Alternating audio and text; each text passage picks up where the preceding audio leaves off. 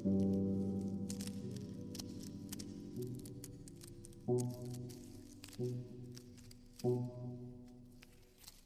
Kantürk'ten Karantina Podcast'teyiz. Kuşaklar Arası 90'lar programı kapsamında sizlerle yeniden birlikteyiz. Bugün Süreyya Evren konuğumuz. Kendisi hakkında internette şu satırlar yazıyor. 91'de edebiyat, güncel sanat, tarih yazımı ve siyaset teorisi konularıyla aşırı neşir olmaya başlayan, çok sayıda romanı, şiir kitabı, öykü kitabı denemesi, editörlüğü, incelemeleri, hatta çocuk kitapları olan, aynı zamanda da sanat yayınlarında editörlük yapıp sanat kurumlarında da eleştirel çalışmalarına devam eden bir karakter Süreyya Evren. Süreyya 3 Y'den oluşuyor. Bu Y'lerden birisinin hikayesini Süreyya Evren birçok yerde anlatıyor. Burada da bizle paylaşır. Aktif olarak, üretici olarak bulunduğu 90'lı yıllar ve aynı zamanda tanık olarak da bulunduğu 90'lı yıllar üzerine sohbet yapacağız. Buradaki amacımız Süreyya'nın geldiği çevrenin aslında geçişli bir çevre olmasıyla ilişkili önemli bir durum söz konusu. Hem edebiyat çevresini tanıyor hem Türkiye kapsamında kültür hayatının yeraltı sahnesiyle haşir neşir daha kurumsallaşmamış öncü bir hareketten sonra ikinci kuşağını yaşayan bir güncel sanat, çağdaş sanat tartışmaları ortamında bir e, kırılmanın da ortasında yer alıyor. Yani çağdaş sanat sahnesi işte 70'lerle Türkiye'de tartışılmaya e, başlasa da 90'larda güncel sanat kelimesi e, söz konusu ediliyor ve bu ortamın içerisinde hatta 90'ların sonunda Ali Altındere'nin kuruculuğunda yayın hayatına başlayan Artist dergisinin ara ara da içerik editörü, sayı editörü olmuş. Hoş geldin Süreyya. Hoş bulduk, selamlar. Edebiyat kanalından bir tartışmayla başlamak istiyorum. Postmodern Bir Kız Sevdim adlı hı hı. roman karşımıza çıkıyor bu dönemlerde. Postmodernizm hı hı. biz okul çağlarındayken lastik sanatlar, hı hı sanat ortamında postmodernizm tartışmaları Türkiye'de e, alıp giderken edebiyat alanında böyle bir başlıkta bir şey çıkıyor ve ilk defa mesela Lyotard'ın, Jameson'ın e, böyle ağır e, ağdalı metinlerinin e, yanı sıra raflarda bir de roman bölümünde postmodernizm başlığını taşıyan bir şey karşımıza çıkıyor. Bu aslında ilerleyen dönemlerde bir e, karşılaşmayı yaşadığımız edebiyat e, güncel sanat ilişkisi bağlamında da önemli bir mihenk taşı gibi geliyor bana. Biraz o süreç, onun çıkışı, e, yazmanı sağlayan dinamikler neydi, neyi düşündün? Tekrar bir yeni basımı söz konusuymuş galiba 2020 e, içerisinde. O, o kapsamda neler söylemek istersin? Bu konuyla başlayabiliriz yeni baskısı hazırlanıyor şu anda e, 2021 için e, can yayınlarından.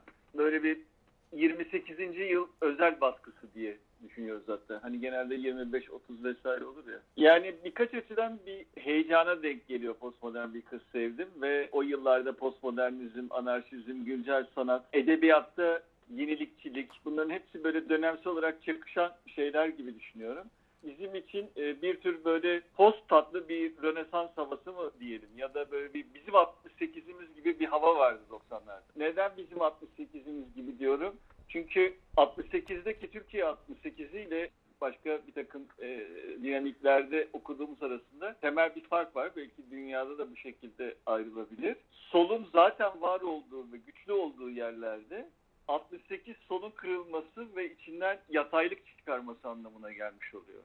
Ee, dolayısıyla solla beraber bütün kültürün de e, özgürlükçü tonun artması, gündelik hayatın e, yaygınlaşması, feminizmin, queer'in, anarşizmin, böyle bir Marksist-Leninist devlet yerine diyelim anarşizan bir eğilimin, sömürgecilik karşıtlığının, kölecilik karşıtlığının, ilerlemecilik, progresivizm karşıtlığının öne çıkması böyle siyasi refleksler ve bununla bağlantılı düşünürler gibi bir havası var.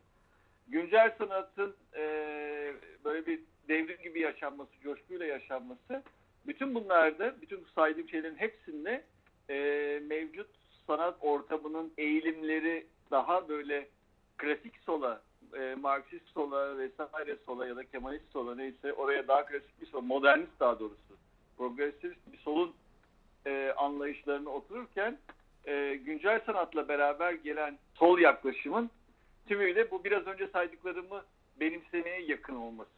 Dolayısıyla bunlar birbirlerinden çok farklı gibi değillerdi. Yani benim için e, 90'larda anarşizmi öğrenmek, anarşizan şeyleri öğrenmekle e, post teorileri öğrenmek, onların içinde e, böyle kavrulmak, bir yandan da güncel sanatın ön açıcı bir heyecan gibi yaşamak e, ve edebiyatta da e, bütün bunların yansıdığı bir böyle yenilikçi bir pozisyonu son derece e, makul görmek, yakın görmek.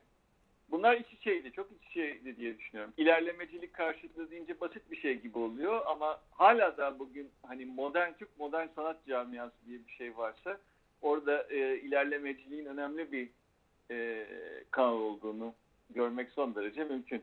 Hala da bugün sanat iktidarı el, el değiştirilmiş ve e, o zamanlar bizim hani muhalefte olduğumuz şeyler modernist kanat, sanattaki modernist kanat diyelim e, bütün bu konulardaki pozisyonunu koruyor. İşte anarşizme karşı toplumcu gel, e, bir pozisyon, feminizm, e, gay, lezbiyen, queer e, hareketlerine karşı belirli bir önce politika nosyonunu, e, oradaki tutumda da bir değişiklik yok vesaire. Şimdi bunların hepsine bakınca postmodern bir kız sevdim de çok coşkuyla e, yazılmış bir kitap. Coşkusunun çok hissedilebildiğini görüyorum böyle şimdi yeni baskı için tekrar e, dönüp bakınca bütün bunların yeni tadı vermesi de var. Bu yeni tadı vermesini hani bir post teoriyle bulaşmış bir rönesans gibi diye böyle bir şakayla karışık söylememin sebebi de şu. Bir yandan da biz daha gençken, ben 72'liyim ve 80'lerin ikinci yarısı insanları görmeye başlıyorum. Yani solcuları ve kültür sanat insanlarını vesaire diyebiliriz. Sergileri de aslında hafiften. Çünkü öyle bir ortam da vardı. O zamanlar ilk öğrendiğim şey Türkiye'de 70'lerde ne güzeldi, ne çok kitaplar okunurdu, cumta geldi durdurdu gibi bir şeydi. Kitaplar 3 bin basılıyordu, 5 bin basılıyordu. Kitap yasaklandı ki hala öyle bir havada çok yüksek vardı. Yani kitabın korku nesnesi olması, olmaması, ne bileyim Cumhuriyet Kitap Kulübü'nün bir yerde yaptığı küçük kitap tezgahının bir direniş noktası gibi yaşanması, kitapla ilgili her şeyin otomatik mantolla ilgili bir şeymiş gibi olması. E, dolayısıyla kitabın böyle kendinden hani böyle bir sol sembolü e, gibi algılanması. Başka bir şeyi çağrıştırmaması zaten. Fakat bununla birlikte 90'lar havası biraz başlayınca, biraz canlanınca birden fark etti ki e, 3000-5000 basılıyormuş her kitap ama e, çeşitlilik meğerse çok aşırı kısıtlıymış. Ne felsefede, ne sanatta, ne siyasette, ne sosyolojide, ne teolojide, ne sporda, ne beslenmede, ne şiirde, ne romanda, ne e, uzun atlamada, ne başka herhangi bir disiplinde e, hiçbir şey aslında çevrilmemiş. Herhangi bir alandaki önemli metinlerin Türkçe'ye ilk ne zaman çevrildiği bakılırsa hep 90'lar sonrası çıkıyor zaten. Çıkmak da zorunda. Yazın Taşkent dizisinin hem havası hem güçlü kültürel etkisi hani böyle kırkları falan hatırlatır ya o zamanların map kitaplarının etkisini hatırlatan bir etkisi vardı. Sonra şimdi bu etkiyi bugün tekrar yapmanın mümkün olmadığını herhalde tahmin edebiliriz. Çünkü temel taşların hepsi dizilmiş bir kültür ortamındayız şu anda. Yani biraz önce saydığım ve saymadığım disiplinlerde e, belli başlı bütün ana şeyler çevrildi, yeni edisyonları yapıldı. Bugün bir şey ancak basılıp unutulmuş olabilir, kenarda kalmış olabilir, zorlu bir editoryal çerçeve gerektirdiği için ilk kez girişiliyor olabilir. İşte ne bileyim altı ciltlik bilmem nedir falan da e, kolay değildir onu çözmek. Ama buna yakın şeyler de çözüldü aslında e, gene aynı dönemde. Biraz önce saydığımız postmodern teorileri ya da işte post teoriler diyoruz çünkü postmodernin itibarı gittiği için sonradan. Bir de öyle bir durum var konuşmak gereken belki. Yani postmodernin dediği her şey kültürel iktidarın şu anda tümüyle sahip gibi. Ama postmodern sözcüğün kendisinin itibarı yok. O yüzden e, başka şeyler söylemek gerekiyor. Güncel sanatı, sanat ortamının modernlikten çıkma, biraz da içe kapalılık. Yani biz sonuçta 89 sonrasından da bahsediyoruz. 90'lar derken 10-10 bölmelerden oluşan bir şey gibi değil de 89 sonrası, Sovyetler sonrası yeni dünyanın kurulduğu dönemi Türkiye gibi bir ülkenin kültür sanat dünyasında yaşama deneyimi bu. Ee, ve bizim bir şekilde her ne kadar e, Batı bloğu içinde olsak da biraz böyle kendine kapalı bir e, kültürel yapıdan geldiğimiz ve e, aynı zamanda da kültürel ana hattımızın hizasını Sovyetlerden aldığı, dünya şiirinin az okunduğu bir yerdir Türkiye aslında. Devrimci e, dünya şiir listesindeki şairler daha iyi bilinir, daha çok okunur falan gibi. E, atıyorum Neruda gibi vesaire. Çünkü oranın üzerinden hani gelmiştir daha çok. Kendi ayrı kanallarıyla aynı güçle gelme fırsatı olmamıştır. Daha sonra ona e, yolunu bulmuştur gibi. Coşku hali ve iç içe geçme hali. O yüzden 68 lafını ettim. O sıralar bir kuruculuk doğurduğunu düşünüyorum. Bugüne kadar gelecek bir takım şeylerin çatıldığı bir zaman gibi. E, yani hem modern sanatın hakimiyetinden daha böyle güncel, contemporary bir sanatın hakimiyetine geçmekle ne kastediyorum? İktidar değiştirmesi ne kastetmiş oluyoruz? Kurumların e, değişmesi, hem akademide, eğitim kurumlarında, hem satın alma satmayı belirleyen galerilerde, e, hem e, basında, yayında, bilgisinin yapıldığı yerlerde oyun değiştiren, oyun kuran sanat hattının değişmesi, onun yer değiştirmesi anlamında. Bu da 90'ların sonunda 2000'ler başlarken oldu gibi diyebiliriz ama bunu kuran zaman e, 90'lar gibi ve benim yaklaşımım şöyle. Ben esas bağlayıcının Türkiye'nin sol kültüründeki değişim olduğunu ve bunun işte günümüze kadar gelen bir etkisi olduğunu düşünüyorum. Bu çerçevede aynı anda uluslararasılaşma denilen hikaye yani işte 89 sonrası globalizasyon vesaire dediğimiz şeyle beraber okunması gereken şeyler var. Parçalı parçalı bakabiliriz. Yani güncel sanatın kendi tarihi, Türkiye'de sanat tarihi için 90'lar diye bakabiliriz. E, ben de bakmaya teşneyim. Öyle bakarsak olay yeni güncel sanatın çıkışı ve e, muhalif bir şey olarak çıkışı, kanal değiştirici, e, devrim yapıcı diyelim. Yani her şeyi farklı bakmaya çağırıcı bir aşağıdan bir şey olarak, çok yönden gelen bir şey olarak böyle merkezi bir yerden değil de pek çok yerden e, sistemi ısıran bir şey olarak çıkışı. Ama aynı zamanda da e, dünyada da Batı sanatı etrafında kurulu tek sahnenin 90'ların başıyla itibaren yerini bu çoklu sahneye bırakması ve bütün üçüncü dünyanın e, büyük kentler üzerinden özellikle çok sahneli e, döneme girilmesi ve İstanbul'un da burada hani biraz bienallerle simgeleşen bir şekilde şebekede yerini alması diyelim bir not olarak. 90'larda postmodern bir kız sevdimden hemen sonra yaptığım hatta belki de yani onu takip ederek beraberinde yaptığım Karaş'ın yayınlarının ve e, dergisinin kurulmasında da çalışmaktı. Karaş'ın bir fotokopi, fanzin, postanarşist yayını gibi bir şey. Hani at koymak da zormuş. Daha sonra 2000'lerde siyahiye evrilen bir çalışma hattıydı o. Kaç yıl süren evet. bir yayın Karaş'ın? Mesela e, burada Hı? bir şeyler eklemek de istiyorum ben aslında e, araya Hı. girersem coşku kelimesi tabii, tabii, gözüme çok... çarpıyor burada. Coşku çok önemli bir unsur. O coşkuyu aslında evet. hem edebiyat çevresinde bu yeni çevirilerin girmesi, yayıncılığın artması, işte güncel sanat hı hı. üretimlerinde de e, işte kurumsal bir genel alışılageldik bir pratiğin üzerine bir şey eklemek gibi değil. E, ilk yapıyor, deniyor olma coşkusunun devreye girmesi. Hı hı. Aslında bu iki kanal da bir yeraltı sahnesi ve aynı zamanda da e, bağımsız yayıncılıkla da bir araya geliyor. Yani ana hı arter dergilerin işte fasiküllerin veya ciltlerin e, büyük yayın evlerinin alternatifi mecralar hem müzik alanında hem alt kültürde hem e, işte edebiyat e, zinlerinde ve aynı zamanda da güncel sanatın ilk baştaki daha böyle e, az renkli fotokopi estetiğindeki ve deneysel, görsel ağırlıklı yayınlarında da ortaya çıkıyor. Mesela benzer şey işte Esat Cavit Paşa'nın Mondo Trasho'sunun o dönemlere denk gelmesi, artistin e, siyah beyaz çıkıyor olması, bir e, Fall dergisi gibi bir derginin böyle e,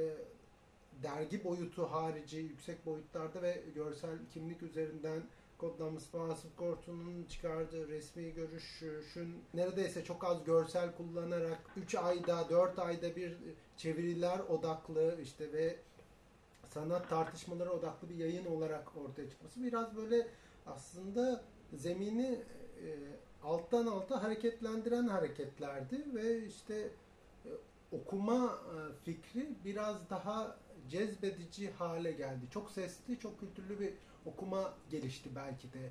Yani bu internet kültürüne kadar gidiyor, ilerliyor. Daha sonra blogların gelmesini de o blog yazarlarının e, ikinci jenerasyon, o, o dergilerin ikinci jenerasyon yazarları olarak ortaya çıkmasını da basılı evrenin ardılı olarak da görebiliriz gibi.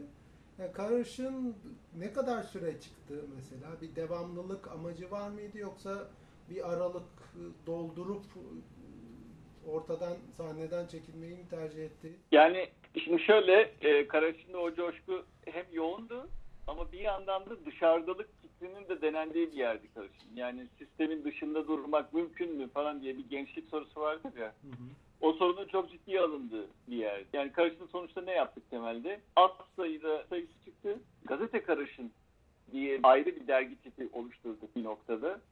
Bu çünkü e, dünyadan haberleri çevirdiğimiz, ettiğimiz e, ve gazete estetiğinde yaptığımız bir fanzindi. Farklı bir kağıda. Aslında kitapçıklar yaptık. Bunlara da betik dediğimiz ama bir yandan da editoryal olarak o zaman da kitap gibi muamele etmeye çalıştığımız, editoryal işlerinin sorumluluk kafasında düzgün yapmaya çalıştığımız işlerdi. Dışarıdalıkın ciddi alınmasını şöyle anlatabilirim belki. Evet fotokopi yayındı ama bir yandan da eve fotokopi makinesi aldık mesela. Yani fotokopiciye gitme kısmı da bize çok fazla sistemle ilişki kuran bir an gibi geldi. Fotokopi makinesini de eve aldık. Sonra o e, basılan şeyler e, müzikle iç içeliğin iyi altını çizdi. E, zaten hani temelde e, küçük rock dükkanlarında satılıyordu. Bahsettiğim diğer e, rock fanzinleriyle beraber. Bu aslında mesela yayının bize göre önemli bir jestiydi. E, yayını hem e, küçük rock dükkanlarındaki rock fanzinlerin arasına koyuyorduk hem de e, bazı solcu kitap evlerindeki örgüt dergilerinin bulunduğu köşeye koyuyorduk sen İzmir'desin. Gönderseniz de sen mesela desteydin 95'te bize. Ee, biz bunu kabul ederdik ama sana postayla göndermezdik. İzmir'e gelirdik yani. İzmir'e gelir elden verirdik sana bunları dağıtabilirsin diye.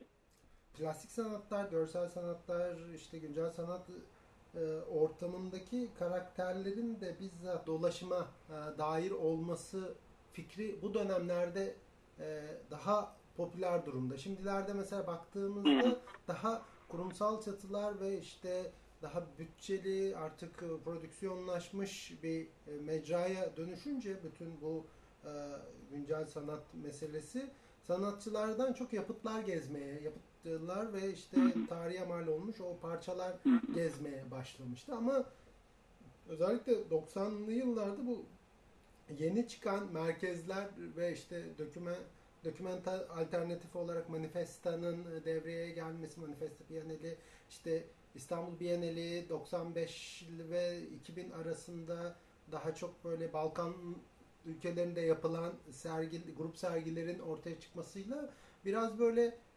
gittiğin yerde malzemenle veya prodüksiyon, mikro prodüksiyonla bir şeyler üretiyor olma, kendin yap kültürünün biraz ortaya çıkması gibi bir e, hal e, söz konusu gibiydi. Yani orada bir benzerlik de seziyorum aslında. Hem sanatçının hem yayıncının bir şekilde e, self-publishing gibi hareket etmesi, mekana özgürlük peşinde koşması, buluntu nesne, bit pazarlarının devreye girmesi ya da ozalitçiye, fotokopiciye gidip sergilenecek parçanın basılması gibi hmm. üretim mecraları geliyor aklıma. Emre Zeytinoğlu bahsetmişti.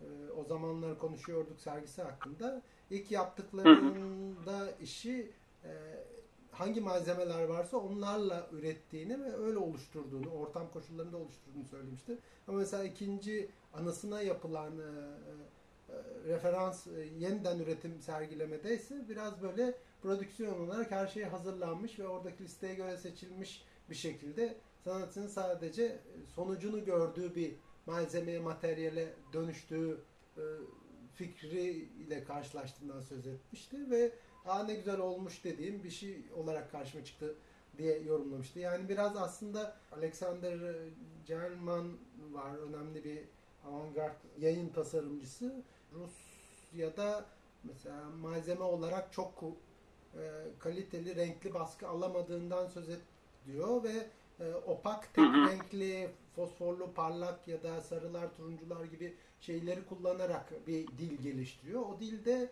o dönemin ruh hali, materyal ve kendinin üretmesi fikriyle çok güzel örtüşüyor. Aslında sizin de mesela makineyi kendinizin alıp kendi koşullarınızı üretmeniz önemli bir durum oradaki prodüksiyon süreci için. Yani şimdilerde ise mesela internet kültürüyle ya da işte verilen bir bütçe var önce elimizde ve o bütçeye göre e-mail atıyoruz. Sonra yayınlanmışı bize geliyor gibi bir yöne evrildik. Malzemeyi birinci elden alma, tedarik etme, onunla oynama, bozma, onun işte referanslarıyla hareket etme gibi şeyler biraz e, evrildi, geçti gibi bir dönem. Ama gerçi şu anda biraz nostaljisi de veya bu kanala bir geri bakışta söz konusu bir noktada yeniden plak basan firmaların çıkması, işte kasetlerin geri dönmesi, işte daha fanzin yayınların daha çok Riso gibi makinalarla üretiliyor olması gibi bir oradaki o matbu ve elle yapılan şey veya bunun e, daha büyük yayıncılara bir şeylere bağlı olmadan e, koordine edilmesi gibi şeyler açısından e, önemli bir coşku olduğu düşüncesi hakim gibi 90'lara geri bakıp düşününce. Ee, Rusya'dan bahsettin. Hı hı. Ee, bu aslında bir daha iyi oldu diye düşünüyorum. Çünkü e, bizim hani bu yaşadığımız şeylerin çok büyük bir kısmının e, direkt komünist sistemden çıkan ülkelerin kültür sanat dünyalarında yaşananlarla beraber okunmaya ihtiyacı var diye düşünüyorum aslında. Oralardaki 90'larda yaşanan avantgard coşku sadece Türkiye'de olmuş bir şey değil aslında bu. Böyle bir, bir tür avantgard. Avantgard sözcüğü şu anda tukaka sözcük postmodernizm gibi. Onu geri tutan Barış Acar gibi arkadaşlarımız var. Ee, o da 90'lardan geldiği için bence geri tutuyor. Çünkü oradaki anlamı pozitif. Oradaki anlamının pozitif olması da bütün bu her şeyi açma havası olmasından kaynaklanıyor ve işte diğer şeylerde olduğu gibi Sovyetler bitince ansızın sanat tarihiyle karşılaşmış ortamlar var ya daha öyle sergiler de var. Tarihten daha, daha hızlı falan gibi. 20. yüzyıl sanat tarihinin 10 yılda deneyimlendiği ülkeler var gibi. Biraz onlara yakın bir yanımız var aslında. Sadece onlarla değil. O dönemde küreselleşme içinde yerini alma fırsatı bulmuş bir sürü başka ülkeyle beraber okuma ihtiyacımız var. Yani sadece Batı'yla karşılaştırmalar da bizi yoruyor diye de düşünüyorum. Bir de kendimizi çok aşırı da unik, çok eşsiz hissetmemek için de gerekli. Dergilerde, fanzinde bir şey daha ekleyebilirim. Sonbahar dergisi de edebiyatta önemli bir dergi o zamanlar. E, Mondo Trosho'yu saydın fanzin olarak önemli. Rock kültürünün vesairenin hani havası önemi. E, bir yandan internetin var olduğu, şimdi Snowden'ın kitabını mesela alıp okuyalım. O da bütün oluşumunu internetin kendisinin anarşizan bir şey olduğu 90'lara bağlıyor. 90'larda internet diye bir şeyle hani temas ettiği için internet üzerinden böyle bir isyankarlık hayal edebildiğini söylüyor. E, o zamanki internet farklı bir internet gerçekten. Bugünkü internet gibi değil. E, hem düzenlemeleriyle, e, regülasyonlarıyla vesairesiyle farklı bir internet hem de kültürel olarak algılanışı ve kullanışıyla farklı bir internet. Yaygınlık, aşağıdanlık, şebeke gibi şeylere otomatikman daha yakın. Ama bir yandan da küçük, yetersiz ve daha az kişinin dahil olduğu bir sistem gibi. Neyse Sonbahar dergisini söylüyordum. Kaos GL'den bahsetmemiz lazım diye düşünüyorum. E, Kaos GL'nin çünkü kültür sanat dünyasına etkisi de e, 90'larda büyüktü.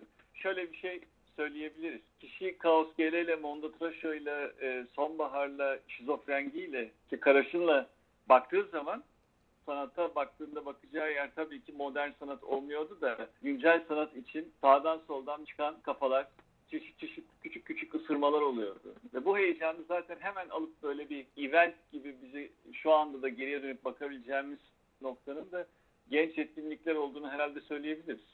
o gözle genç etkinliklere bakılabilir diye tahmin ediyorum. Yani ben genç etkinliklerinden bir tanesine sanatçı olarak düşünüyorum.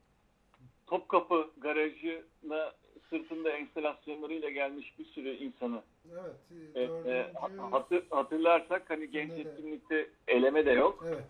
Yüzlerce kişinin bir araya geldiği aslında fuarlar oluşmadan önce o bağımsız bir fuar gibi aslında. Herkesin bir noktada işini sırtına aldığı bir otobüsle seyahat ettiği hatta yani şehir Evet, dışından Evet, gelip evet. uçak sirkülasyonu çok fazla yok ve kargo şirketleriyle de sanat ilişkisi çok fazla güçlü değil. Baya baya otobüsün alt bagajına işte bir buçuk metrelik koca ahşap kutuyu sokmaya çalışan sanatçı arkadaşlarım ben de hatırlıyorum ve işte biz de mesela İzmir'den 4-5 sanatçı dördüncü genç etkinliğe e, beraberce bir otobüs seyahatiyle katılıp orada işlerimizi kurmuştuk o deneyimi. Daha sonra Ankara'da genç sanatlar bu dinamiği biraz devam ettirmeye çalışmıştı. Genç sanat 1-2'den sonra genç sanat 3'ün e, ga- galiba bir tanesi Ankara'da e, Vasıf Kort'un küratörlüğünde yapılmıştı. Üçüncüsü galiba. Böyle bir dinamik şeyi yarattı aslında. Sana Biennale'in etkisini biraz daha genç kuşağa e, yönelterek biraz o 90'larla başlayan serüvene sanatçı olma e, fikrini e, derinleştirip genişletti gibi bir şey söz konusu oldu. Yani eskiden daha alanlar ve zeminler net gibiydi. Yani işte başvurulabilecek galeriler veya işte e, yarışma tipleri, tipolojileri vardı ve e, net disiplinlerle başvuruyordun. Ama bu genç etkinlik ve genç sanat gibi yapılanmalarda işte senin de söz ettiğin gibi yani daha işte farklı camialardan, farklı mecralardan, performansla ilgilenen, dansla ilgilenen, ses yapan, aynı zamanda resim yapan ve ikisini, üçünü yapmaktan geçici bir süreliğine vazgeçip tamamen deneysel bir şey yapmaya çalışan insanların e, çok sesli bir şekilde bir araya geldiği bir zemin olarak ortaya çıkmıştı. 90'larla ilgili genç etkinliğe ne kadar dönülse az diyebiliriz ger- gerçekten. E, çünkü çok ağızlılık, aşağıdanlık, e, deneysellik, ikinci yeri için söylenen bir şeydir ya böyle öteyi beriyi omuzlamak, ikinci yeriden çıkan bir laf biraz. E, biraz böyle 50'ler Türkiye'sinin de bir modernleşme e, anı vardır. İkinci yeni güzel oldu. Sadece ikinci yeniyi inceleyen ve diğer sağa sola bakmayan bir tarih yazımı yaparsan birdenbire 50'lerde e, Türk şiirinde böyle bir kentin patladığını, e, bir yenilikçiliğin patladığını vesaire görürsün ve vay canına gibi bir tarih yazımı yapabilirsin. Ama bir yandan da bakarsan aynı yıllar Türkiye'de tiyatronun da, kısa öykünün de, her şeyin aslında dünya ile ilişkisinin arttığı, e, sanatsal olarak deneyimsel e- eğilimin arttığı, bütün İkinci Dünya Savaşı sonrasında oluşan e, bazı böyle öteyi beriyi omuzlama arayışlarla bütünleşen, onlarla temas eden, e, kapalılığını biraz azaltan bir hava yakaladığını görürsün. E, benzerinin 90'lar içinde olduğunu hani o yüzden söylüyorum. Başka ülkelerde de olan şeylerle de bakmak hani belki lazım. Bir de tabii genç etkinlikte gördüğümüz şey bir fuar deneyimi dediğim gibi. Ama kurumlar tarafından ve ekonomi tarafından e, belirlenmiş bir fuar deneyimi değil. E, yapmak üzerine, üretmek üzerine kurulu, e, bir tür böyle e, genç izler çevrenin heyecanı üzerine kurulu bir şey ve onun e, temel temalarının da e, işte mesela Ali Akay'ın e, zannedersem ya isim babasıydı ya e, küratör olmuyordu bunların ama bu sergilerin e, nasıl bir adlandırmaydı tam hatırlamıyorum onu. İşte yersiz yursuzlaşmanın genç etkinlikler için tema olarak seçilmesi, zaten her şeyin delözyen olmaya çalışması ya da bir, bir şeyin delözyen olmaya çalışmasının ya da işte e, Foucault'cu bir tat taşımasının şu yüzden insan delözyen ya da Foucault'cu olabilir. E, kemikleşmiş görüşlere yakın olduğu için. Ana akım e, neyi tercih ediyorsa ondan uzaklaşmak pek istemediği için falan. Bugün öyle olabilir. O zamanki ama hava e, bunlarla ilişki kurmanın e, bir mücadele gerektirdiğine dönük. Çünkü sırf Foucault'dan alıntı var diye isyan eden solcu bir ses olabilirdi mesela. ve onu o yüzden mahkum eden ve onu hani mesela bilmem ne ilan eden falan. Öyle bir şey olabilir. Döl Döloz'un alıntı olduğu için falan yapan. Önce Foucault sonra Deleuze kabul edildi diye düşünüyorum Türkiye'de sistemi. E, çünkü Foucault solcuları daha kolay tavlayan bir yanı vardı onun. Hani hapishaneler vesaireler falan üzerinde. E, Deleuze ardından geldi gibi oldu. Neyse ölçek önemli bir de e, bir de para ve başarının e, yeri de önemli diye düşünüyorum. Yani Türkiye güncel sanatı tarihi diye bir şey yazmaya kalkacak olursak 90'ların ortasında bir kırılma e, var. Bir şekilde Bienallerle uluslararası sahnenin Türkiye'ye yer vermeye başlamasıyla Türk sanatçıları 2000'lere doğru gidecek olan kurumların ve kurumsal anlayışın ve bilgi biçimlerinin güncel sanata doğru kaymasının temellerinin tamamen atılmasıyla. Sarkis'in Çaylak Sokakı'nın bizim atamız olduğu fikri o zamanlar mesela ne kadar güçlü bir fikir ve sonra yayınlar da yaptık. Oralarda da ondu vesaire. Ama bu fikirler, bu tip fikirler mesela şunlarla çok bağlantılı. O, o bağlar bana çok görünür geliyor. Sen zaten böyle bir çatışmada yani Sarkis'in yaşadığı bir çatışmada Sarkis'ten yana bir pozisyonu büyüterek e, sanat dünyasına progresivizm karşıtı bir mesajın biz etrafında toplandık demiş oluyorsun. Progresivizm karşıtı olduğun anda da Kemalizm karşıtı ve e, Stalinizm karşıtı ve Leninizm karşıtı ve her türlü ilerlemeci sosyalizm karşıtı olmuş oluyorsun. Bunların hepsinin karşıtı olup hala daha kendini e, e, özgürlükçü ilan ettiğin zaman da otomatikman başka bir solda sizin solunuzu değiştirmek istiyorum demiş oluyorsun. E, ve bu başka bir solda sizin solunuzu değiştirmek isterken de e, o yüzden bunu anarşist değil de anarşizan diyorum. İnsan anarşistlik olsun diye değil. Ama o havada esnesin. Hani 2000'lerdeki e, siyasi hareketlerde de gördüğümüz gibi. Bir adı adı olduğundan değil de ama bir yordamı olduğundan, bir tonu olduğundan yani. Ve bu ton da kendini her yerde aynı şekilde gösteriyor. İşte e, şu anda şeyi düşünelim. E, hiyerarşi karşıtlığının e, hani mesela kültürel iktidar derken şöyle şeylerden görebiliriz. Hiyerarşi karşıtı bir pozisyonun e, merkezi bir mesele olmasını. Şimdi sen bir şey kuruyorken bile bunu söylemek zorundasın.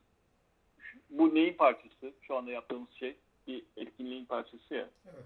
Karantina kuşaklar arası 90'lar programı piramidal ve hiyerarşik bir yapıyla organize edilmiştir diye ilk cümleye başladığını düşün. İmkansız yani. Evet. Hemen hemen. Ee, senin bu bu projeyle herhangi bir dolaşıma girebilmen için ilk yapman gereken şeylerden bir tanesi bunun e, piramidal olmadığını ve hiyerarşik olmadığını zaten satır altlarında ya da açıktan söylemek.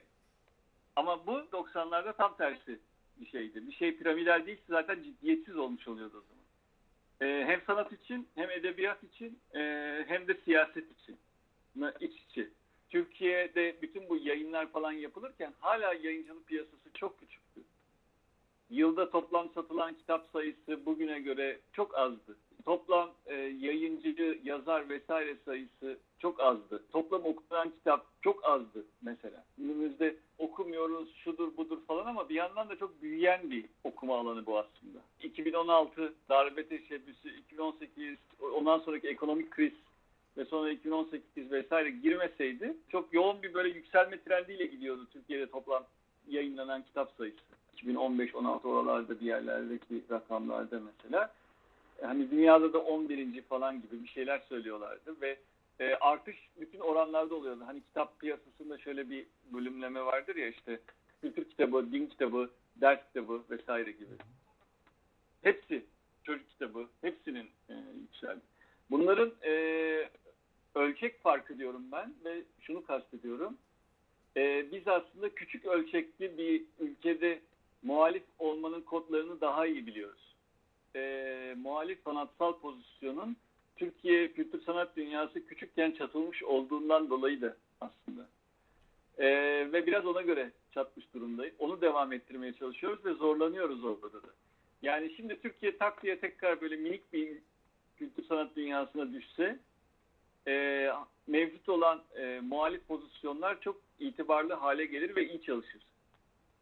büyüklükle baş etmekte daha fazla zorlanılıyor. Daha yüksek ölçekli yerlerde olan şeylerden öğrenecek bir pozisyona geçmemiz lazım. Nasıl mesela Arter'de yayın yaparken onun dışında bir yandan dışarıda da telif hakları meselesiyle karşılaşıyoruz. Bu 90'larda mesela böyle değildi. Geçenlerde bununla ilgili küçük bir oyun yaptık sanat dünyamızda Füsun Yalçınkaya ile. Şöyle bir oyun yaptık. Çeşitli çalışmalarda zaten fark ettiğim e, ve eğlenceli bulduğum bir şey vardı. 90'ların mesela çok etki yapmış e, sanat dünyamız sayılarını baktığın zaman e, bugün bir benzerini yapmak söz konusu değil. Yani çok büyük paralar harcaman lazım. Çünkü kafalarına göre sağdan soldan metnini alıp alıp çevirmişler. Görseller, e, bütün bunlar için telif ödemek gibi bir mecburiyet olmamış. Zaten o zaman yapılamaz yani. Yapılır aslında o çok pahalı bir yayına dönüşüyor. Bütün bu rahatlık, coşku e, ve şimdi hem telif haklarında hem diğer yerlerde geldiğimiz daha küresel, daha bağlı, daha bir içinde olan e, nokta. Yılda 20 roman çıkıyordu 90'ların ortasında yeni Türkçe telif olarak. Öyle bir yazı serisi planlamıştım. Bir, bir senede çıkan bütün telif romanları varlığa yazayım 12 ay bölüp diye. Ve çok yapılabilir bir proje gibi gözüküyordu. Yani ayda iki tane romanı yazsam o yıl çıkan bütün telif romanları yazabiliyordun zaten. Ee, şimdi herhalde yılda çıkan yeni roman sayısı 300 falandır. Ee, aynı şeyin sinema için de geçerli olduğunu herhalde söyleyebiliriz. O zamanlar kaç tane yönetmen vardı? Hani hepsi sonra başka bir pozisyon gibi oldu. İzlenme, satış vesaire rakamlarında da çok büyük bir ölçek farkı var. Ee, bütün bu ölçek farklarının etkilediği bir şey de yani bir kavramayı zorlaştırıyor, muhalif pozisyonun yerini zorlaştırıyor. İkincisi de başarı nosyonunun girdiği yerlerde başka bir öncelik devreye giriyor. Bahsettiğin genç etkinliğe insanlar otobüslerle gidip bir tür fuarda ama sonunda da hani aslında tam bir başarı da yok. Bir başarı vaadi yok genç etkinliğin kimseye. Gö ee, kitapçık görünürlüğü veya listede ismini görmek gibi veya o ortamın bir parçası olmak gibi bir e, beklenti var. Yani, Benim bir beklenti. yani herhangi bir fanzinde bir şey yayınladığın için nasıl bir heyecan evet. duyacaksan ona çok benziyor aslına bakarsan. Yani sana esas vaadi şu. Değişimin yeninin içinde olma fırsatı veriyor. İçinde ve yapanlardan biri gibi hissetme. Esas vaadi bu. Ve zaten o yüzden de 90'lar 2000'lere geçişle ilgili şeyler falan da vardır ya çok fazla kolektif e, hareket vardı, kolektivite vardı, daha fazla bireyselliğe sonra geçiş oldu gibi. Bu bireyselliğe geçişte tabii ki ortaya hani başarı nosyonunun çıkması heyecanın e, yerini her şeyin oturduğu ve büyüdüğü başka bir yapının alması. E, bunlarla ayak uydurmak zor.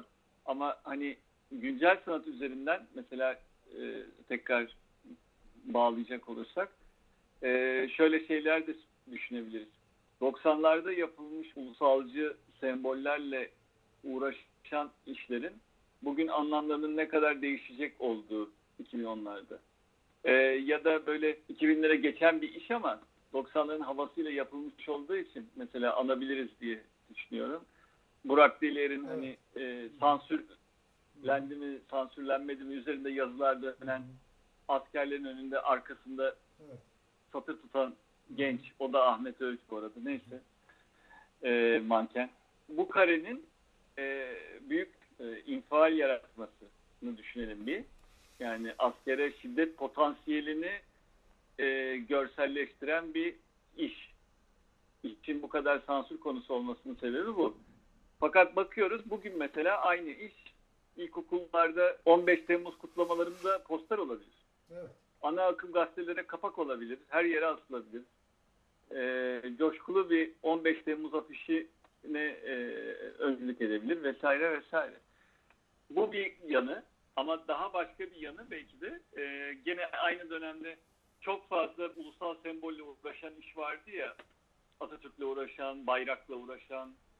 Hani sonra bunların anlamını yitirmiş oldu. Ee, Avrupa ile 2000... uğraşan işler de vardı hatta. Efendim? Avrupa ile uğraşan işler vardı.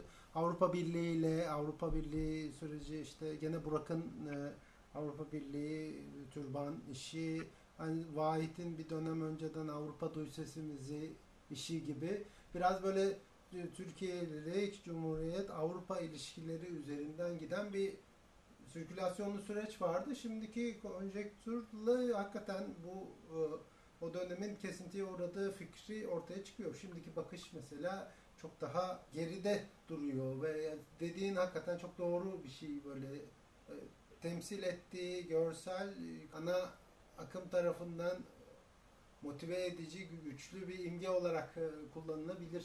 İlginç bir geçiş. Yani aynı şekilde Kemalist ikonlara saldırmanın, onları alaşağı etmenin de iktidar e, ikonografisiyle birleşebileceğini tabii ki söyleyebiliriz. Ama bir başka şey daha e, ben dikkat çekmek isterim. E, 90'larda yapılan bu e, Kemalist ikonografisiyle uğraşan işler bir yandan da aslında sanat iktidarını devirmeye dönük. Hı hı. Devirdi de diye bakabiliriz yani. Hı. Çünkü sanattaki iktidar en çok bunlara alınan yerdi. Sanat iktidarı devletten daha fazla alınıyordu bunlara. Yani. Alınmakta da belki şu anlamda haklıydı. Bunların gerçekten sonunun müjdeleyicisi olduğunu hisseden bir panik içinde yaklaşıyorlardı bunlara. Öyle de oldu. Bayrakla, Atatürk'le vesaire uğraşan bir iş aslında modern sanat e, kurumlarına diyor ki e, sizin solcu, Kemalist iktidar yapılarınızla bu iş yürümeyecek. Bunun sembollerinin en dokunulmaz olanlarından başlayarak bozacağız. Onun yerine küresellikle iç içe başka bir yapı gelecek. Bunun adı da güncel diyor. Bunu e, sadece Kemalist'e değil şöyle söyleyeyim Gez, Gezi'yle bağlayan bir örnek de bunun sosyalistle de bir tehdit olduğunu şöyle düşün, fark edebiliriz, düşünebiliriz o zamanlar duvar resmi yapıyor sergisi falan da olmuştu ya oralarda da daha çok gördük. Meşhur bütün 70'lerin e, ve sonra 80'lerin de aslında solcu sanatçı tavrı, sosyalist sanatçı tavrı oluşmuş bir içeriğe görsellik katmak üzerine kurulu. Yani zaten siyasi bir içerik var.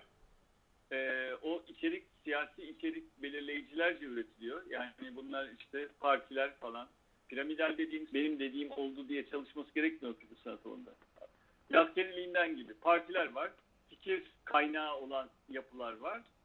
Oralardan çıkan neyin sol olduğu, neyin sol olmadığı, neyin şu anda e, öncelikli olduğuna dair belirlenmiş e, ilkeler var. Sonra o ilkelere göre belirlenen sloganlar var. O sloganlara göre belirlenen kabul edilebilir görsel, imgesel e, alanlar var.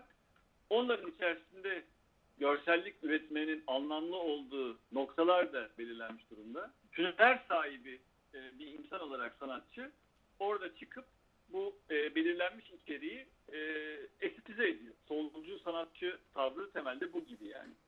Geziye geldiğinizde ise mesela artık bütün içerik formuyla beraber sanatçıdan geliyor. Yani işte duran adam örneğinde de olduğu gibi. Yine semboller üzerinden gidelim bu bir belirlenmiş bir içeriğin sanatçı tarafından aktive edildiği, icra edildiği bir sahne değil. Öyle bir an değil, öyle bir moment değil. Sanatçının bir form önerisiyle geldiği, formun kendi içeriğini ürettiği bir an. Bu da siyasete hep bağlanıyor demem ondan. 2000'lerin başlarında e, Seattle vesaire olduğunda, daha sonra bu küpayak geziye giden şeylerin başlangıcı kurulduğunda, ilk Seattle eylemleri sırasında hareketinizin ideolojisi ne diye insanlara sorduklarında verilmiş yanıt vardı. Hani bir, bir ideolojisi yok, ideolojisi formu diye. Örgütlenme şekli, karar alma mekanizmalarının kendisi ideolojisi, başka bir ideolojisi yok diye. Hani nasıl bir sanatçı, e, nasıl bir sanat, e, nasıl bir sol sanat e, veyahut artık bunun adı sol da olmaktan çıkıyor. Sol sağ da anlamsız kalıyor tabii böyle olunca. E, nasıl bir özgürleştiricilik, özgürleşme tahayyülü, e, nasıl bir serbestleşme tahayyülü ve bunlardaki rolü ne e, gibi şeylerin de değişmesi anlamına geliyor. Böyle bakınca neyin özgürleşme, neyin sol, neyin e, toplumsal dönüştürücü içerik olduğuna dair moderniteye dayanan bir e, tahayyülün e, yıkılması çabası olarak görüyorum. Ki bunun zaten etkisini şöyle de görüyoruz. 2010'larda yapılmış bu ulusal sembollerle uğraşan bir sürü radikal iş var hiç etkisi olmayan. Kimseyi de ilgilendirmiyor. Yani şu anlamda ilgilendirmiyor. İşin e, başka yönleri ilgilendirir Ama bu e, sembolleri, tabuları ve vesaire dokunması üzerinden ilgilendirmiyor. Performans değeri üzerinden ilgilendirebilir ama e, bayrakla ilgili bir performans olması e, bir şeye dokunmuyor. Değdiği bir tel yok onun. Yani bayrakla ilgili yerde başka bir şeyle ilgili de olsa olabilirdi. Fark etmeden performans olarak değeri hala tabii ki söz konusu. Bu sadece siyasi bir dönüşüm değil de sanatsal dönüşümle de e, alakalı diye düşünüyorum söyleşiyi yapacağını söyledikten sonra böyle kafanın arkasını dönüyor ya bunlar. 90'larla aynı zamansallıkta değiliz gerçekten bugün. 90'ların doğurduğu o sıralar çıkmış olan bir takım ilkelerin büyük halleri içindeyiz. Ama aynı zamansallık değil. Bu arada mesela Karaş'ın 90'ların ortasında çıktığında işte her şeyi sayılı olarak fotokopi basıyoruz, elden dağıtıyoruz, çok az sayıda bilmem ne yapıyoruz. Bir yandan da bir web sitesi yaptık. Tamamen ben yapıyordum yani web sitesini. O zamanın artık hangi programlarıyla nasıl yapıyorduysam. Yayınladığımız bütün metinleri de internete koyuyorduk. Ve bir noktada başka bir şeyler mi yapmalıyız diye düşündürten şeylerden bir tanesi olmuştu e, doğrusu. Dışarıda olabilmek adına çılgınca uğraşıp emek harcayıp yaptığımız fiziki yayın son derece az kişiye zoru zoruna ulaşırken geceleri e, yaptığım web sitesi Türkiye'nin her yerinden, dünyanın her yerinden şakır şakır indirmelerle dolu bir yere dönüşmüştü.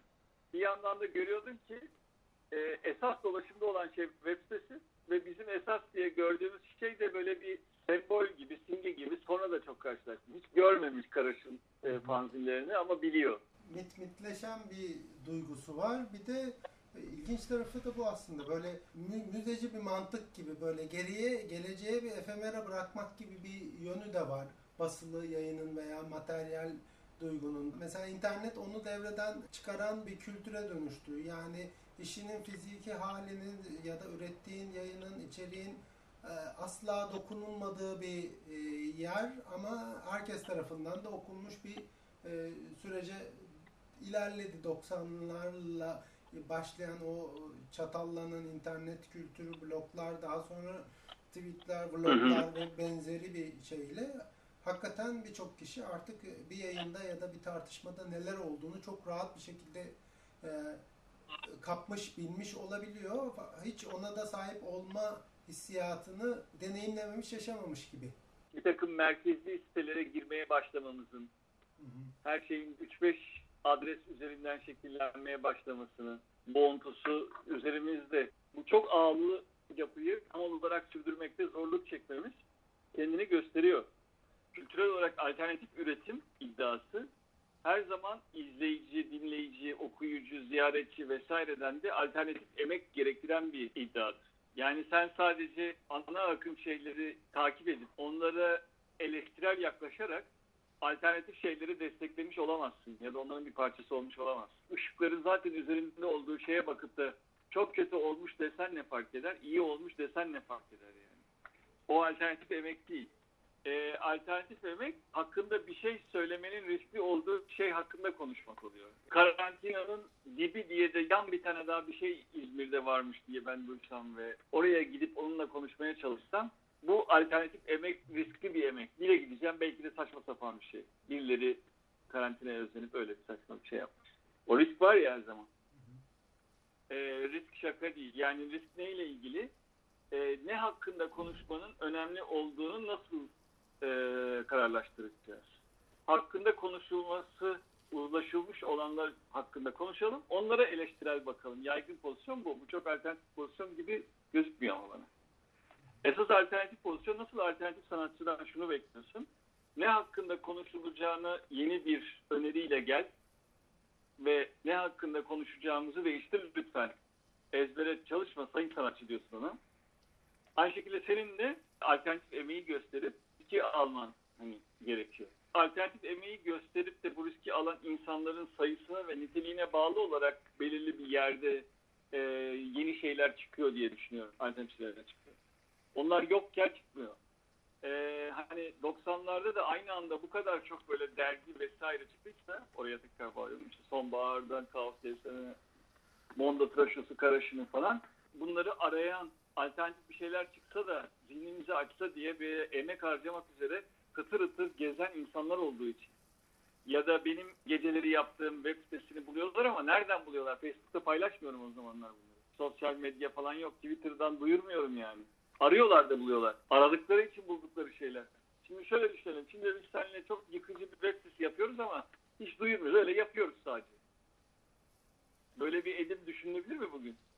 Ee, bugün düşünülen şey mesela onun izleyicisini geliştirmek adına stratejiler olur yani. Tabii tabii ilk düşünülen hatta nasıl bir proje olacağını anlayabilmek için bahsettiğin stratejileri duymam lazım. Oradan anlayacağım nasıl proje olduğunu falan. Böyle bir e, e, mantalite değişimi yani. Ama o zaman sadece yapıyordun. İşte sadece yaparak olabilmesi için birilerinin de sadece arıyor olması lazım. Evet, arama yetisinin kaybolduğu bir içerik o zaman oluyor. şu an için. Şimdi aramada da alternatif emekli değil. Niye riskli, niye zor? Çünkü senin kötü duruma düşme ihtimalin var. Weiwei'yi eleştirdiğin için kötü duruma düşme ihtimalin yok. Övdüğün için de düşmezsin. Hiçbir risk yok yani. Ama şimdi ben uzun uzun üç tane yazı yazsam May Weiwei diye birisi hakkında falan. Riskli. Anlatabiliyor muyum? Ne yapıyor bu sürede ya? Sana desem hadi karantinada bu Weiwei'yi dahil edelim. Ne yapıyor bu falan olursa.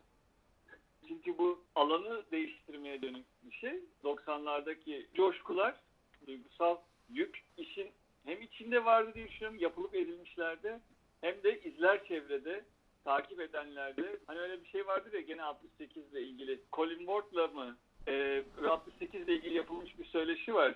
63'te çıkardıkları bir yayından bahsediyor. Ya nasıl onu da yaptınız 68'den de işte 3-5 yıl önce falan gibi bir şey diyor söyleşiyi yapan kişi. O da diyor ki iyi de zaten havadaydı. Yani adı konulmamış Ya- bir süreç başlamıştı Evet yani ne- neyin havada olduğu çok önemli e, diye düşünüyorum. Ve dolayısıyla aslında biz bütün bunlara böyle geriye doğru bakmaya çalışarak e, havada neyin olduğunu e, geri kurmaya çalışıyoruz diye düşünüyorum. Şöyle de bir şey de vardır ya içindeyken yani onu gerçekten sulurken bazı şeyleri başka türlü görüyorsun. Camın arkasından bakınca başka türlü görüyorsun. Biraz zaman geçince başka türlü görüyorsun. Çok Türkiye'ye özgü bir an yaşadığımız duygusunun çoğu insanda yaygın olması o zamanlar. Bu gerçi diyeceksin ki bizim bir eğilimimiz. Gezi'den bahsettik. Gezi'de de bunu hep bize özgü olduğunu düşünmek isteyen bir yanımız da oldu ya. Yani böyle başka şeylerle devamı olduğu, parçası olduğu, daha geniş yayılan bir, bir organizma gibi zihniyetin bir nodu olduğu fikri daha az mutlu ediyor. Türkiye'de sanatın kendini yeni alanlar açtığını düşünmek başka.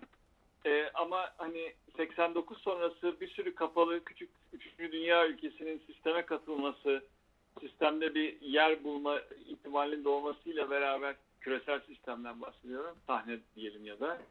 Ee, bunların açılması dönemine denk gelmesi.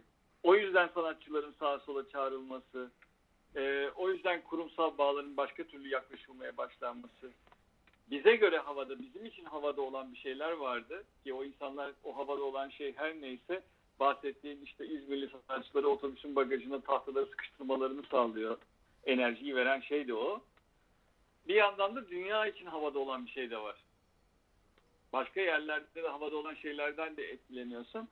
Tarih yazımı çalışmalarını o yüzden de önemli buluyorum. Bunları birbirine e, dikmeye, bunlardan yeni anlatılar kurmaya dönük çalışmalar diye anlıyorum bunları. E, ve ne kadar yeni anlatımız da olursa o kadar iyi. Kanon ve kanonun yıkımı yerine böyle bir sürü kanon tartışması, bir sürü yeni kanon, bir sürü yeniden kurulan şey daha iyi gibi geliyor. Kanon yaratma fikrine karşı mikro kanonlar gibi bir şey canlandı kafamda. Herkesin kendi mikro kanonunu yazma e, şekli, özgürlüğü gibi belki de. Bizim programa verdiğimiz addaki o kuşaklar arasılık meselesi de aslında biraz o sözünü ettiğin 90'lardan şu anda uzak oluşumuz, 90'ları yaşayan insanların oluşu, 90'lardan etkilenen, ivme kazanan insanların oluşu ve tamamen 90'larda doğmamış bir kuşağın şu anda aktif olarak üretiyor oluşu. Bu üç, üç kişinin klasik bir kanona bakışı üzerinden 90'ları zaten ya da 80'leri algılamamız veya o empatiyi kurmamız da e, tamamen problemli bir şey olacağı için farklı farklı okumalara hakikaten ihtiyaç var. Bu, bayrak meselesi örneğinde de keza böyle. Yani 2000 doğumlu bir yeni ge- genç sanatçı için o mesele 90 Hı ya da hı. 85 doğumlu bir sanatçının yaşadığı asla aynı olmayacaktır derdi tamamen Tabii. değişecektir gibi bir durum. Biraz o Hı hı. aracılık meselesi veya işte nasıl e, geçişliliği o e, blok blok söz edilen 80 90 Hı. 2000 2010 gibi giden şeyin arasındaki o e, yumuşak geçişleri sağlamak biraz aslında bu tarih yazımı zeminleri birbirine yakınlaştırıp oturtmak anlamına geliyor. 90'ların Türkiye kültür sanat dünyası için e, zamansallık anlamında bir kırılma dönemi oldu. Türkiye'den kaynaklanan sebepleri var. 80 sonrasının değişimin anca gerçekleşmesi gibi e, soldaki değişimi kastediyorum ve beraber kültür sanattaki değişimin globalizasyon ve Sovyetlerin dağılmasının kültür sanat dünyalarına etkisi gibi ve öyle bir kırılma olduğunu da şöyle oturtan bir hani yanım var. Oradan doğan yani o kırılmadan doğan başka hallerinin içindeyiz şu anda. Orada bir e, LGBT için bir alan açılıyor. Şu anda onun gelişmiş bir formunun içindeyiz kültür sanatta açılan o alanın. Ama aynı zamansallıkta değil.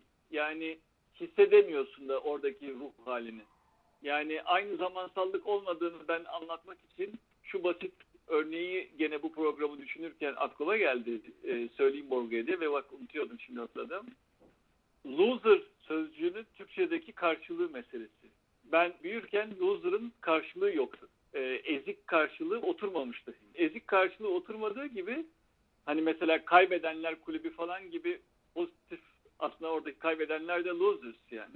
Ama o pozitif bir e, okumaydı değil mi? Ezikler kulübü değil o. Ve e, henüz karşılığı yokken farklı karşılık denemeleri de vardı. Kaybeden, kaybetmiş, yenik, ezik falan gibi.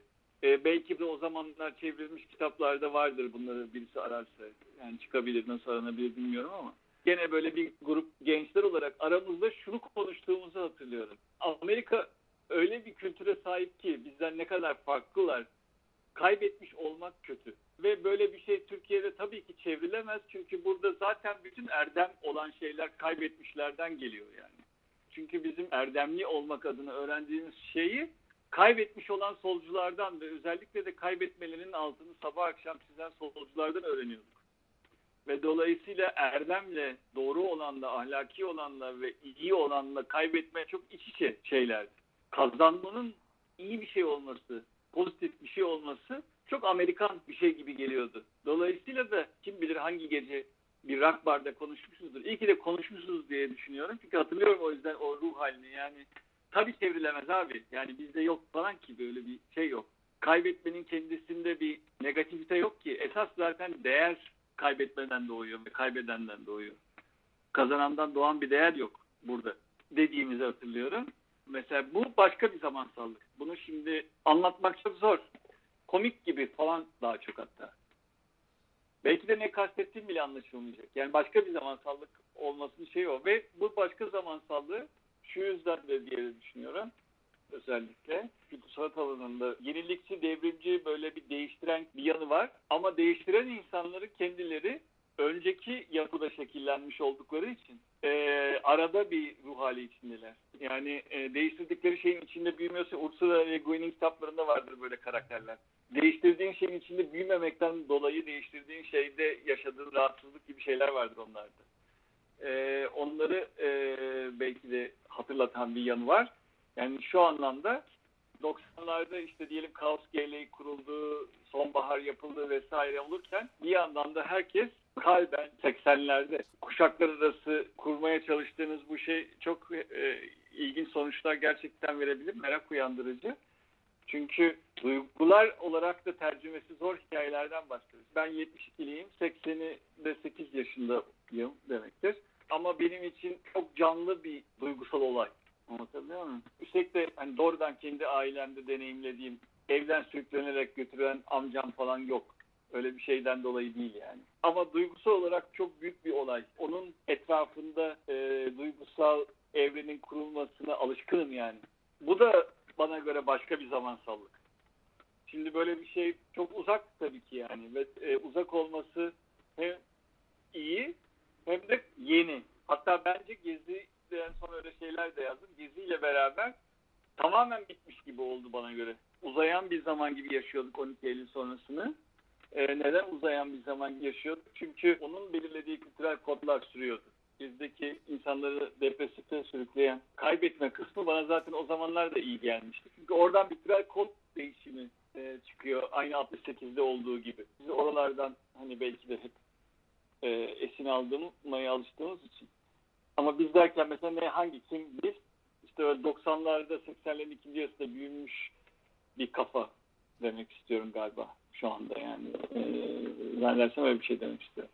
Sonunda söylediğin o duygulanım meselesi de aslında ilgi çekici. Yani o hissiyatın aslında kuşaklar arası ne şekilde taşınabileceği fikri de bu podcast serisinin önemli bir unsuru olabilir. Çünkü yani orada o hissiyatla yarattığın, yaptığın, deneyimlediğin şeyin şu an bazen hakikaten aynı şekilde bir karşılığı olamayabiliyor.